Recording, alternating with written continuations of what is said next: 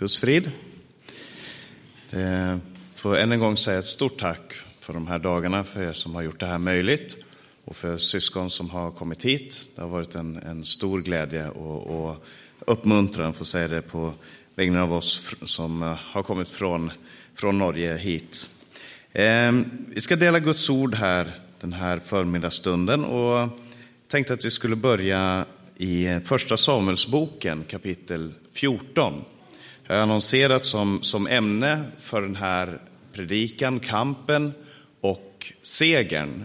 Och eh, med det i tankarna så ska vi läsa om en av Gamla testamentets kamper och segrar. Eh, första Samuelsboken kapitel 14 och från den första versen där. En dag sa Sauls son Jonatan till sin väpnare, kom, så går vi över till filisternas förpost där på andra sidan. Men detta talade han inte om för sin far. Saul befann sig då vid Gibeas gräns under granatträdet i Migron och folket som var med honom utgjorde omkring 600 man. Ahia, son till Ahitub, som var son till Ikabod, son till Pinias, son till Eli, Herrens präst i Shilo, bar då efoden. Och folket visste inte att Jonatan hade gett sig av. Men i passet där Jonatan försökte gå över för att komma till filisternas förpost fanns en klippa på vardera sidan. Den ena hette Boses och den andra Sene. Den ena klippan reste sig i norr mittemot Mikmas, den andra i söder mittemot Geba. Jonatan sa till sin väpnare, kom, vi går över till de där oomskurnas förpost. Kanske kommer Herren att göra något för oss. För inget hindrar Herren att ge seger genom några få, lika väl som genom många. Amen. För att ge lite kontext till den här berättelsen så var det så att Saul, han var kung i Israel, den första kungen, och hans son är den här Jonatan som det står om här.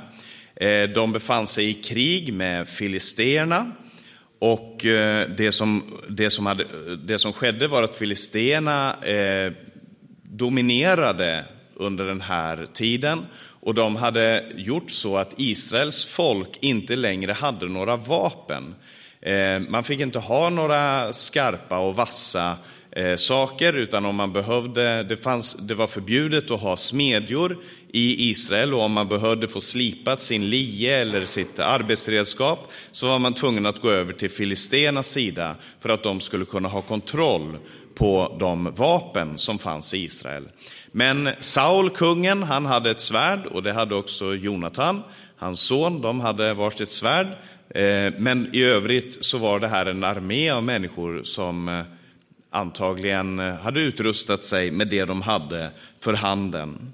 Och Saul, han strategiskt så befinner han sig flera kilometer borta från, från fronten.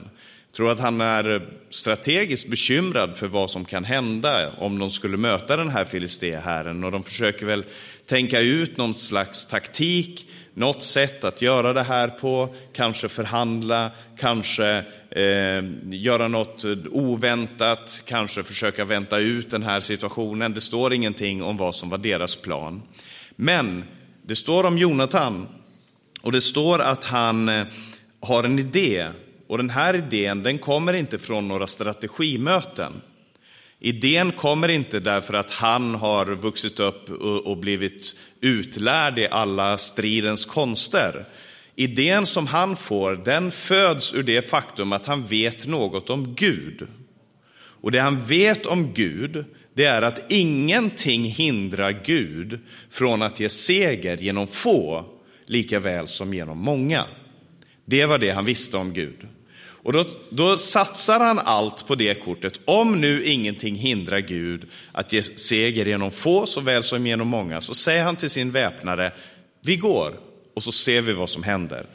Vi går och så får, får vi lägga det här i Guds händer. Kanske kommer Herren att göra något för oss. Han har inget löfte, han har inte någon uppenbarelse, det är inte det han går på. Han, inte, han är inte säker på det sättet, men han är säker på en sak och det är Gud kan.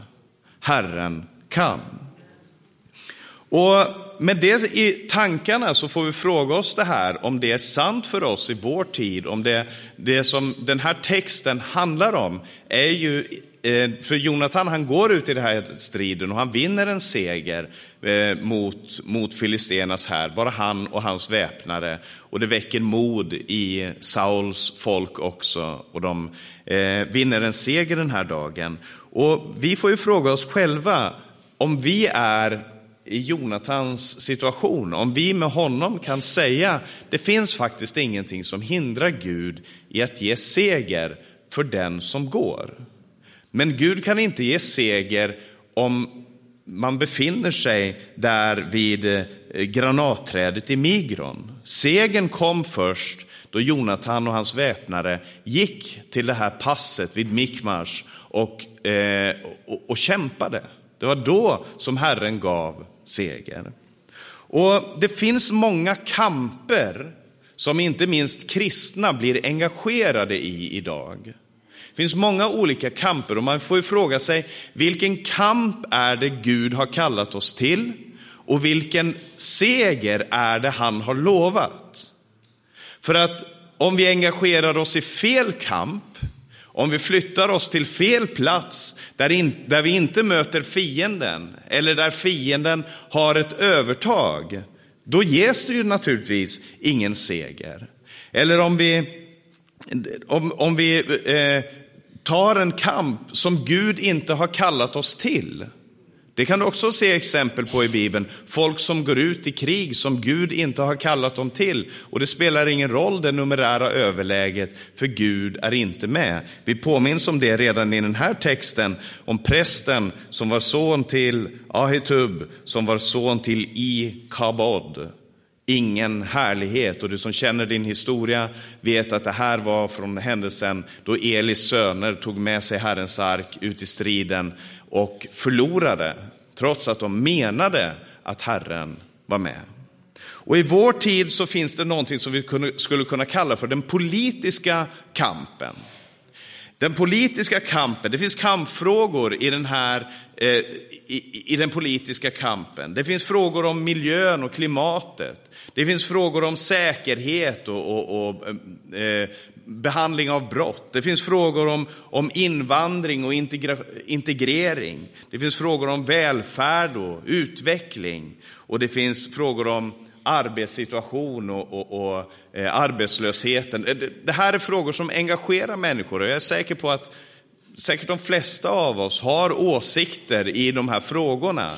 Var Sverige står, var Europa står någonstans, eh, situationen som är i världen. Det är många politiska frågor och en av de största politiska frågorna i vår tid är ju också den situationen som vi ser i öster med kriget som pågår.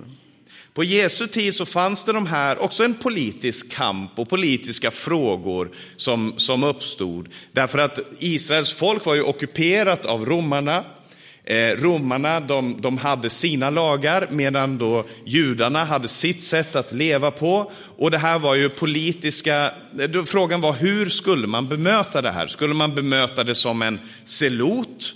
De här seloterna som gömde knivar under, under sina kläder ifall de skulle få möjlighet att möta en romersk soldat eller, eller politiker i någon mörk gränd så kunde de lönnmörda. Det var liksom, ska vi säga, den yttersta kanten där.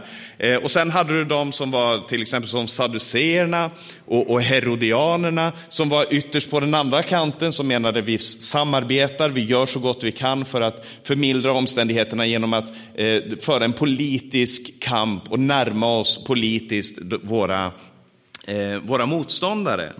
Men i Markus kapitel 12, om vi går dit, så, får, så blir Jesus ombedd att, att eh, säga sin åsikt i en politisk fråga. Eh, det står i Markus kapitel 12 från den trettonde versen.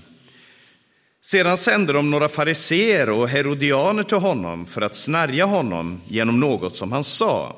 De kom till honom och sa, Mästare, vi vet att du är ärlig och inte tar parti för någon utan behandlar alla lika. Du lär oss sanningen om Guds väg. Här kommer smickret eller fällan och så säger de, är det tillåtet att betala skatt till kejsaren eller inte? Ska vi betala eller inte betala? Här vill de ha ett ja och nej, en ja och nej svar från Jesus. Så enkelt är det ju. Antingen ska vi betala eller så ska vi inte betala. Det är en politisk fråga, stor politisk fråga och oavsett vad Jesus hade sagt, ja eller nej, så hade han ställt sig på en sida och då kunde man placera honom i hans fack. Då kunde man ha satt honom där och sagt, okej, okay, han är med herodianerna, eller okej, okay, han är med seloterna, eller han är en farisé, eller han är det här. De hade sina mallar och sina ramar där de ville placera människor. Och Jesus svarar, men Jesus förstod deras hyckleri och sa till dem, varför prövar ni mig? Ge mig en denar och låt mig se på den. De räckte fram en och han frågade dem, vems bild och inskrift är detta? De svarade kejsarens. Då sa Jesus till dem, ge då kejsaren det som tillhör kejsaren och Gud det som tillhör Gud. Och de var förundrade över honom. Jesus spelade inte det spelet. Jesus ställde sig inte på spelplanen och placerade ut sina strategiska punkter, presenterade sitt politiska program och sa så här ska vi förhålla oss till det, så här ska vi förhålla oss till det. Inte det att han inte hade åsikter, han säger ju uppenbart, ge åt kejsaren det som kejsaren tillhör. Så om du absolut vill trycka ur Jesus och trycka in honom i den här eh, positionen så säger Jesus, ja, man ska betala skatt. Men det är inte hans poäng. Om du går därifrån, ifrån det här samtalet och tänker, jaha, så Jesus är för skatter, då har du missat hela poängen. För det han talar om är, ni bär på en bild som tillhör kejsaren. Men ni är samtidigt Guds avbild och borde tillhöra Gud. Det är sanningen. Det är poängen i det han försöker säga. Det är det han vill komma fram till. Jesus svarar inte med ett ja och nej-svar därför att han har en helt annan dimension och han önskar att öppna den här dimensionen för att vi ska förstå bättre, för att vi ska få, få hans sätt att se på de här sakerna. Och i Lukas evangelium så försöker de igen att blanda in Jesus i vissa intriger. I Lukas kapitel 13 så står det så här eh, i den 31 versen, Lukas 13, 31. I samma stund kom några fariseer fram, till honom, fram och sa till honom, gå bort och ge dig av härifrån, för Herodes vill döda dig. Här, här är det alltså, av någon anledning så ser Herodes Jesus som ett så stort hot, och då antagligen ett politiskt hot, eh, eh att för han kunde inte utgöra något militärt hot, men han såg väl att Jesus samlade skaror. Det här utgjorde en hotbild för honom. Kanske han kommer för att ta ifrån mig min makt. Kanske han kommer för att detronisera mig. Kanske han skapar en opinion mot mig. Jag måste döda honom. Och, och här så, så blir då Jesus indragen, eller försökt indragen i en konflikt som han inte är intresserad av. Som han inte bryr sig om. Som, för dem så är det så här, okej, okay, Herodes försöker döda Jesus, vi säger det till Jesus, så flyr han härifrån. Därför att det är det naturliga man gör när man får det här, någon vill döda dig, ja det är klart jag går därifrån, det är klart jag flyttar på mig.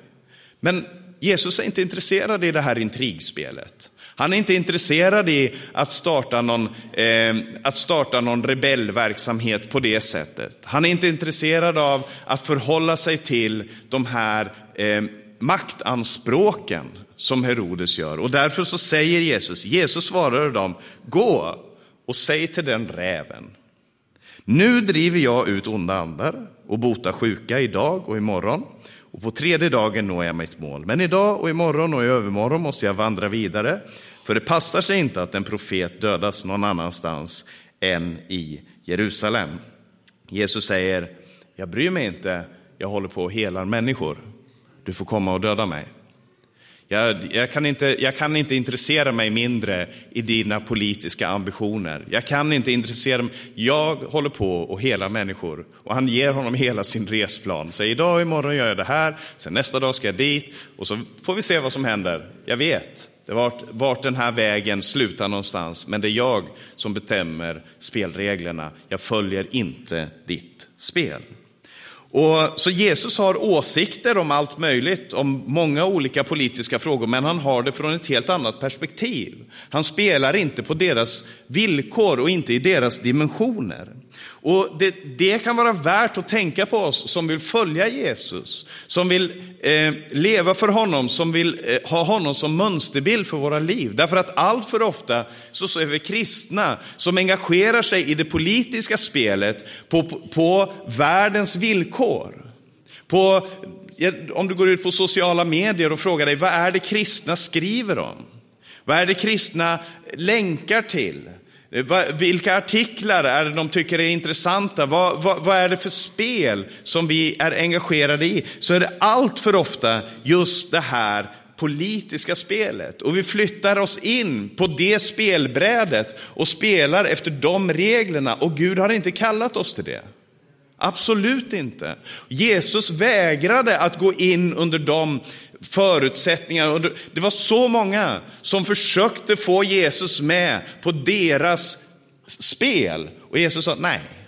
Någon ville göra honom till kung. Och Jesus sa nej, inte på det här sättet. Djävulen försökte säga till honom, kasta dig ner här, för änglarna ska bära dig på sina händer. Och Jesus sa nej, inte på det sättet. Böj knä för mig så ska du få alla riken på jorden. Nej, inte på det sättet.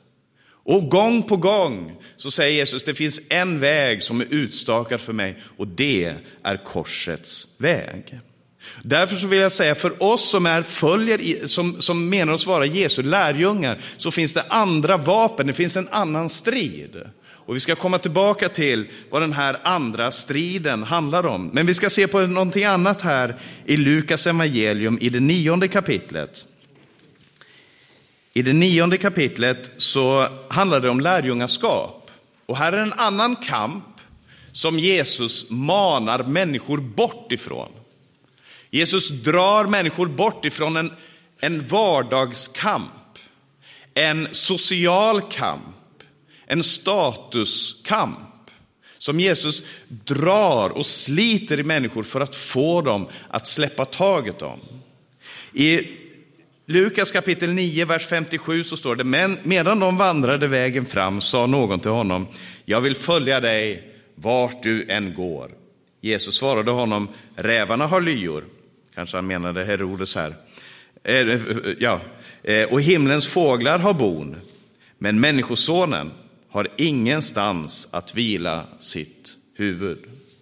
Till en annan sa han, följ mig, men mannen svarade, Herre, låt mig först gå och begrava min far. Jesus sa till honom, låt de döda begrava sina döda, men gå du och förkunna Guds rike. En annan sa, jag ska följa dig, Herre, men låt mig först ta farväl av min familj. Jesus svarade, den som sätter handen till plogen och sedan blickar bakåt passar inte för Guds rike. Och jag, jag får ju säga, det här är en text som är svår att läsa. Därför att det känns som att de här människorna kommer med helt resonabla, naturliga, helt förståeliga anledningar. Tänker, ser Jesus någonting djupare? Var det någonting med den sociala settingen som, som indikerar var, varför det här skulle vara så illa? Och jag tror att det finns vissa svar på de områdena också, till exempel det här, låt mig först gå bort och begrava min far. Eh, det handlar inte om att han skulle bara ha en begravning, utan det, det handlar antagligen om att han, han skulle se till att hans far var gammal och han skulle ta hand om sin far tills han dog och så ta hand om det här som följde och se till att ordna saker och ting. Han måste ordna, han måste ta sina familjeförpliktelser först och sen eh, kunde han, när det var på plats, så fick vi se, får vi se vad det blir kvar till Jesus. Men det finns en varning här som Jesus ger till den mannen som säger, jag vill följa dig vart än du går. Jag vill följa dig vart än du går. Och Jesus säger, människosonen har ingen plats där han kan vila sitt huvud. Och om vi tar det här konkret, som det står, så säger Jesus, jag är en uteliggare. Jag är en uteliggare, jag har, jag har ingen plats där jag kan vila mitt huvud. Och vi kan väl förandligade. Vi kan inte säga att ja, men det var väl inte så alltid. Han måste ha sovit någonstans och så vidare. Och det är helt säkert sant. Men Jesus manar honom, och, eller varnar honom och säger, om du kommer till mig så kommer det få konsekvenser för ditt sociala liv på så många olika områden. Det, om du ska följa han som inte har någonstans att vila sitt huvud, så kan du inte förvänta dig någonting annat än att det kan bli konsekvenserna för ditt liv också. Och det, det är Jesu maning här. Det är Jesu varning för den som med frimodighet kommer och säger, jag vill följa dig. Och, och, I vår tid så finns ju en oerhörd kamp för social status, för det perfekta livet, för ökad välfärd. Alltså politiker som kan lova välfärd, de är garanterade röster. Och de som kan skapa välfärd, ja, ja de kommer aldrig avsättas, för att det är det vi vill ha. Vi längtar efter det, vi söker efter det, vi, vi, vi, vi, vi, vi lockas av det. Social välfärd, trots att vi har det bättre än kungar på 1800-talet. Alltså det, det, finns kungar i historien som har bott sämre än det du och jag gör. Det vågar jag nästan eh, lova. Det finns, det finns nästan ingen i historien som har haft de möjligheter som vi har. Att resa, att hämta information, att, eh, alltså ekonomisk trygghet, social trygghet, stabilitet. Det finns ingen i historien som har haft det så bra och vi har väldigt lätt för att glömma det. Och jag ska inte säga det som ett försvar för vårt politiska system. Jag tror att det är ett antikristligt system oavsett. Bibeln säger bäst människor säger fred och ingen fara så kommer plötsligt fördärv över dem. Det är inte en, det är inte en sovkudde för att säga men vi har det så bra. Det här är en maning till oss. Det är en utmaning till oss, för att Jesus sa människosonen har ingen plats att vila sitt huvud. Och jag själv har hela mitt liv haft någonstans att vila mitt huvud. Vad, vad är det Gud manar mig in i? Vad är det Gud kallar dig och mig till? Och allt det vi menar att vi behöver, det skapar en jakt efter något som vi aldrig kan uppnå. Alltså det kommer ta din tid till 100 procent, den här kampen, den sociala kampen för karriär, för en bättre pension, för ett bättre hus, för en bättre bil. För en bä det finns alltid någonting som är bättre, någonting som är större, någonting som är snyggare, någonting som passar dig bättre, någonting som ger mer respekt från andra. Vad det än kan handla om att du söker efter. Det finns alltid någonting att sträva efter. Du kommer aldrig bli världens rikaste person. Och om det, eh, om det är målet, att, att man ska hamna högst på stegen, så du, det kommer ta hela din kraft. Det kommer ta hela din tid. Men Jesus står där och säger, Människosonen har ingen plats att vila sitt huvud. Han säger, låt de döda begrava sina döda, kom du och följ mig. Han säger, ingen som sätter sin hand till plogen och ser sig tillbaka är mig värdig. Det är kallelsen. Du, mammon kräver hundraprocentig tillbedjan. Han kommer inte dela din uppmärksamhet med någon.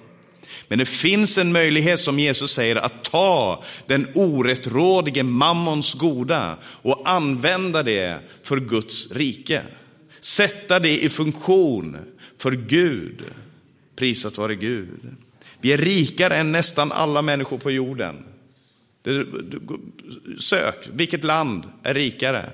kanske två, tre, fyra länder. Och några av dem skulle, skulle du garanterat inte vilja bo i, för de är rika av helt fel anledningar. Men ändå så, så finns den här strävan hos alla. Jag talar inte bara om oss som är här, jag talar om hela landet, hela vår kultur, hela västvärldens kultur. Som, det finns inget, ingenting som heter nöjd. Det finns ingenting som heter att slå sig till ro. Och därför så kommer det här bibelordet tillbaka till mig som har blivit citerat här många gånger. Sist av Gertrud under mötet igår. Kom till, nej var det Nej, det var, det var, det var Ingegerd som läste det. Kom till mig, ni som arbetar och bär på tunga bördor Lär av mig, för jag är ödmjuk och mild av hjärtat. Så ska ni finna ro för era själar. Det är där vi finner ro för våra själar. Prisat vare Gud. Vi ska läsa i Matteus 28, några välkända verser. Matteus evangeliums sista kapitel. Och där ger Jesus det som vi kallar för missionsbefallningen. I den 18 versen, då trädde Jesus fram och talade till dem och sa, åt mig har getts all makt i himmelen, i himlen och på jorden. Gå därför ut och gör alla folk till lärjungar. Döp dem i Faderns och Sonens och den helige Andes namn och lär dem att hålla allt som jag befallt er. Och se, jag är med er alla dagar till tidens slut. Det här är missionsbefallningen. Det här är kampen, jag säger det igen, det här är kampen som Jesus kallar oss in i. Det här är situationen där vi som Jonathan kan säga, låt oss se vad som händer om vi går. Låt oss se vad som händer, du och jag, vapendragare, vi går och så ser vi vad som händer. För det finns inget hinder för Gud att ge seger genom få, lika väl som genom många. Och här ger Jesus sina marschorder och så säger han, mig är given all makt i himlen och på jorden. Hur blev den given till honom? Den blev given till honom då han dog, då han uppstod. Det var det som gav Jesus all makt. Det är hans makt. Det är kärlekens makt. Det är självutgivandets makt. Det är nådens makt. Det är barmhärtighetens makt. Prisat vare Gud som han manifesterar. Och det är den makten som han har gett till sin församling. För att församlingen ska manifestera det i den här tiden. Gå därför ut. Mig är given all makt. Gå för den skull ut. Det är den naturliga konsekvensen av det faktum att Jesus är Herre. Och det är evangelium. Evangelium är detta. Jesus är Herre. Jesus är den smorde. Jesus är kung. Jesus regerar. Han sitter på Faderns högra sida. Han vann den makten genom att dö för mänsklighetens synder. Genom att han ödmjukade sig och gick den vägen så har han fått all makt. Och nu kallar han in människor i den samma tjänsten, till det kriget. Inte det politiska kriget, inte det sociala kriget eller något an någon annan strid. Du frågar dig själv, vilken strid står du i? Vad är din dagliga strävan? Vad är det du längtar efter? Vad är det du strävar efter? Var lägger du dina pengar? Var lägger du din tid? Var lägger du din kraft och resurser? Läggs det? Är, är Jesus där uppe? Så att hans, hans budskap, gå därför ut i världen och förkunna evangelium för allt skapat. Döp dem, lär dem, prisat vare Gud. Är det kallelsen? Om det är kallelsen, då finns det här löftet och jag är med er. Immanuel, Gud med oss, prisat vare Gud, alla dagar intill tidens ände. Det här är kampen som är fundamentalt annorlunda än alla andra kamper på den här jorden. Låt dig inte dras in i någonting som Gud inte har kallat dig till. Du, det här evangelium, det har konsekvenser. Det har politiska konsekvenser, självklart. Vi har åsikter om abort, om homosexualitet, om transrörelsen, om alla de här sakerna som rör sig i vår värld idag. Vi har åsikter om det. Vi har åsikter, det, det, självklart så finns det mycket i Bibeln som handlar om, om invandring, om hur man ska ta vara på de som kommer som främlingar, självklart. Men du, det är med utgångspunkt i evangelium som vi kämpar. Det är med utgångspunkt i det här, Jesus är Herre, som vår kamp förs. Inte med utgångspunkt i, i de här ideologierna som världen har byggt upp. Om det är kommunism eller kapitalism, liberalism eller någon annan ism. Vi har evangelium att kämpa för och med, prisat vare Gud. Så, och det här skakar om världen, därför att man missförstår. Man missuppfattar vad det handlar om. Det gjorde man på Jesu tid också. Därför att när Jesus kom och förkunnade Guds rike så satte man det med en gång in i sitt eget bås där man tänkte, vad, vad, vad menar han med det? Han måste ha samma ambition som det vi har. Har du varit med om det någon gång när någon säger, när, någon, när du gör någonting och så säger folk så här, ja det där gör du bara för att tjäna pengar, för att bli älskad, för att någonting. Har du lagt märke till att det, det avslöjar mycket mer om den som säger det till dig än det gör om dig. För att om någon ser någonting du gör och säger, det där gör du bara för pengar, så säger det någonting om vad som är den första reaktionen hos den människan. Att antagligen så är det motivatorn i det, den människans liv. Och Samma sak var det med Jesus när han kom och förkunnade sitt rike sin, inför Pilatus till exempel. Så säger han, men är du kung? Säger Pilatus. Så du är kung? Och säger jag, ja men mitt rike är inte av den här världen. Ja men då var ju Jesus med en gång ett hot. Och när, han, när, när eh, översteprästerna och, och de skriftlärda förhörde honom så sa de, är du Messias, den levande Gudens son? Alltså, eh, är du en pretendent på att vara över oss? Menar du att du är högre än det vi är? Och när Jesus säger det så anklagar de honom för hädelse. För att ingen kan väl komma och sätta sig över oss. Ingen kan väl komma och bestämma. Därför att man försökte placera in lärjungarna och Jesus. Och det här, samma skedde ju med lärjungarna när det, det sägs, här kommer de som vänder upp och ner på hela världen och de säger att en annan, en som heter Jesus, är kung. Och det är sant att det är revolutionärt, det vi förkunnar. Det är sant att det är konträrt, men det är inte på världens villkor. Det är inte på den här jordens villkor. Jesus vann sin makt genom sin död. Hans kamp bestod i det här. Jag har inte tid att blanda mig in i det, där, i det där som du håller på med, för idag så helar jag människor. Det var Jesu bud. Idag och imorgon helar jag människor. Så kommer jag till Jerusalem så får vi se vad som händer. Jag vet vart den här vägen leder. I Titus brev, Titus brevs tredje kapitel, eh, Titus brevs spännande, eller Titus brev, brevet till Titus, kanske jag hellre ska säga. Det är Paulus som skriver det till Titus, som han har skickat till Kreta. Eh, där kämpade Titus en, en ojämn kamp mot eh, den lokala kulturen. Kretensare är lögnare jämt, odjur, odjur glupska och lata, eh, sa en av deras egna poeter. Och kretensarna de var kända för sitt bedrägeri, de var legosoldater. Och är det någonting vi vet om legosoldater så är det att när någon kommer och köper för ett högre pris så kan de vända. De var, man sa det att han var, en person kunde vara opolitlig som en kretensare. Därför att man, man kunde inte lita på dem. Det var en kultur som man hade byggt upp. Och dessutom så ansågs Kreta vara födelseplatsen för guden Zeus, eller Zeus, eh, som ju är notoriskt känd för att vara en lögnare. Och man blir som den gud man tillber.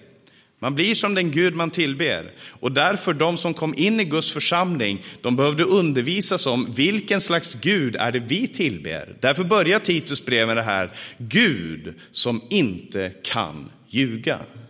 Gud som inte kan ljuga. Han är det som har kallat det. Och så i det tredje kapitlet så börjar det så här, påminn dem, alltså församlingen, om att de ska underordna sig och lyda myndigheter och makthavare och vara redo till varje god gärning. Det är en annan revolution, det är inte en normal revolution som församlingen är kallad in i. Och så säger han att de ska vara redo till varje god gärning, att inte förolämpa någon, utan att vara fridsamma och tillmötesgående och alltid visa vänlighet mot alla människor. Det är kampen. Vi var ju själva en gång oförnuftiga, trotsiga och vilsna. Vi var slavar under olika begär och lustar. Vi levde i ondska och i avund. Vi var avskyvärda och hatade varandra. Det, fann, det var verkligheten. Det fanns en pågående konflikt med hat och hat som svar på det hatet. Men Gud, står det. Men när Gud, vår frälsare, uppenbarade sin godhet och kärlek till oss, då frälste han oss, inte för rättfärdiga gärningar som vi hade gjort, utan på grund av sin barmhärtighet. Han frälste oss genom ett bad till ny födelse och förnyelse i den heliga Ande som har rikligt utgöt över oss genom Jesus Kristus, vår frälsare, för att vi eh, ska stå rättfärdiga genom hans nåd och bli arvingar med hopp om evigt liv. Amen. Det här är, det här är budskapet. Guds, vår frälsares nåd och kärlek, den uppenbarades till oss. Hans godhet uppenbarades och den förvandlade oss. Hans, han utgöt sin heliga ande över oss och det förvandlade oss från de här oförnuftiga, trotsiga, vilsna slavar under begär och lustar som lever i ondska och avund, som blir hatade och hatar andra. Det förvandlade oss från det till någonting helt annat nämligen till det som Gud har önskat. Han utgöt sin heliga ande i oss. Vad betyder det att han har utgjutit sin heliga ande i oss? Jo, det betyder det här. Detta är ett ord att lita på och jag vill att du med kraft inskärper det så att de som tror på Gud är noga med att göra goda gärningar. Sådant är gott och nyttigt för människorna. Det, det är kallelsen. Alltså, vi är inte frälsta på grund av gärningarna, det säger han här. Inte för rättfärdiga gärningar som vi hade gjort, utan på grund av sin barmhärtighet. Men därför att hans kärlek är utöst i våra hjärtan. Därför att hans heliga ande är verksam i församlingen och i församlingens liv, så kallar han oss till ett liv som består i det som Jesus sa, idag så heliga människor. Idag förkunnar jag evangelium. Idag så driver vi ut onda andar. Idag så har vi någonting mycket, mycket viktigare att göra än att engagera oss i den kamp som den här världen för. Och sanningen är den att vi måste sluta föra en kamp som vi alltid kommer förlora. Jag skulle, vilja, jag skulle önska att vi kunde söka oss tillbaka till det som är vårt anabaptistiska arv. Som handlar om här, de här grupperna på 1500-talet som såg hur den katolska kyrkan kämpade på sitt sätt. Och som såg hur den lutherska kyrkan kämpade på sitt sätt. Och sen såg också den eh, reformerade kyrkan, den andra eh, reformationen, kämpade på sitt sätt. Och de såg det gemensamma draget där, det var staten och kyrkan hängde så tätt samman. Det var, det var, det var den politiska kampen som integrerades med församlingens kamp och det ledde alltid till blod det ledde alltid till förgörelse, det ledde alltid till någonting helt annat än det de upplevde att Gud hade kallat församlingen till. Och därför var det de första, de som började döpa varandra där i, i, i de här eh, enkla hemmen, som började läsa Bibeln i sin ensamhet, som började tala till varandra om det som stod skrivet och så sa de, men du, var någonstans är den politiska kampen här? Den finns inte här. Var är den sociala kampen här? Den finns inte här. Det finns en kamp, men den kampen är för gemenskapen mellan syskon. Den kampen är för evangelium, att göra goda gärningar. Den kampen den är, den är för, för den seger som Gud har lovat oss. När ni går ut och döper dem och lär dem att hålla allt vad jag befallt er, då är jag med er alla dagar. Syskon, vi behöver slipas. Vi behöver ta tillbaka de vapen som, som fienden har tagit ifrån oss och sagt ni får komma hit och slipa dem istället. Nej, vi har våra egna vapen, vi har vårt vapen och det ska vi lita på i den här tiden. Vi har vårt vapen, vi har vår kamp och den ska vi kämpa, inte låta oss distraheras, inte låta vårt fokus flyttas någonstans. Till slut så vill jag läsa i Apostlagärningarna ska jag alldeles strax avsluta här, men i Apostlagärningarna kapitel 20, där säger eh, aposteln så här, han talar till de äldste i Efesus, han är på väg tillbaka till Jerusalem och han, han vet att eh, eller han vet inte, säger han här, vad som ska möta honom. Senare så får han ju ett eh, profetiskt budskap och så får vi veta att bojor väntar honom. Men han säger så här, i den 22 versen, Apostlagärningarna 20 och 22. Och nu reser jag, bunden i anden, till Jerusalem, utan att veta vad jag ska möta där. Jag vet bara att den helige ande i stad efter stad vittnar att bojor och lidanden väntar mig. Men jag anser inte mitt liv vara värt något för mig själv, bara jag får fullborda mitt lopp och den uppgift jag har fått av Herren Jesus att vittna om Guds nåds evangelium. Prisat vare Gud. Jag anser, kan du säga det? Kan du stämma in med honom här? Jag anser inte mitt liv vara någonting värt, utom detta enda. Det finns ett existensberättigande för mig. Det finns en grund, till att, en orsak till att Gud inte har hämtat mig hem. Det finns en anledning att vi fortfarande går runt på den här planeten och det är detta, att förkunna Guds nåds evangelium. Att leva det. Att säga till den här världen, vi har inte tid, för idag så helar vi människor. Och så får vi se vad som händer. Vi har inte tid, för idag förkunnar vi evangelium. Vi har inte tid, för idag så hjälper vi fattiga. Vi har inte tid, för idag så ska jag be med en änka. Jag har inte tid, för idag så ska jag ta, läsa Guds ord. Jag har inte tid, för idag så har jag det här som Gud har kallat mig till. Jag har inte tid för allt det andra. Gud var det lovat, där har han lovat oss seger. Frågan som vi behöver ställa oss idag är, hur sätter Jesus Kristus sin prägel på vårt liv? Är Jesus i centrum? Är korset i centrum? Vi behöver komma tillbaka till den här platsen och säga Jesus, jag har förlorat den här blicken på dig, ge mig den åter. Låt mig få se upp till korset och bli förvandlad och låt det bli drivkraften i mitt liv. För jag vet, och nu har jag tänkt att sätta det på prov, det här som jag vet om Gud, att han kan ge seger genom få, lika väl som genom många. Låt oss sätta det på prov. Låt oss finna en vapendragare, priset vare Gud, och säga, nu går vi till Mikmars, nu går vi till den platsen där kampen pågår, där Gud har lovat seger.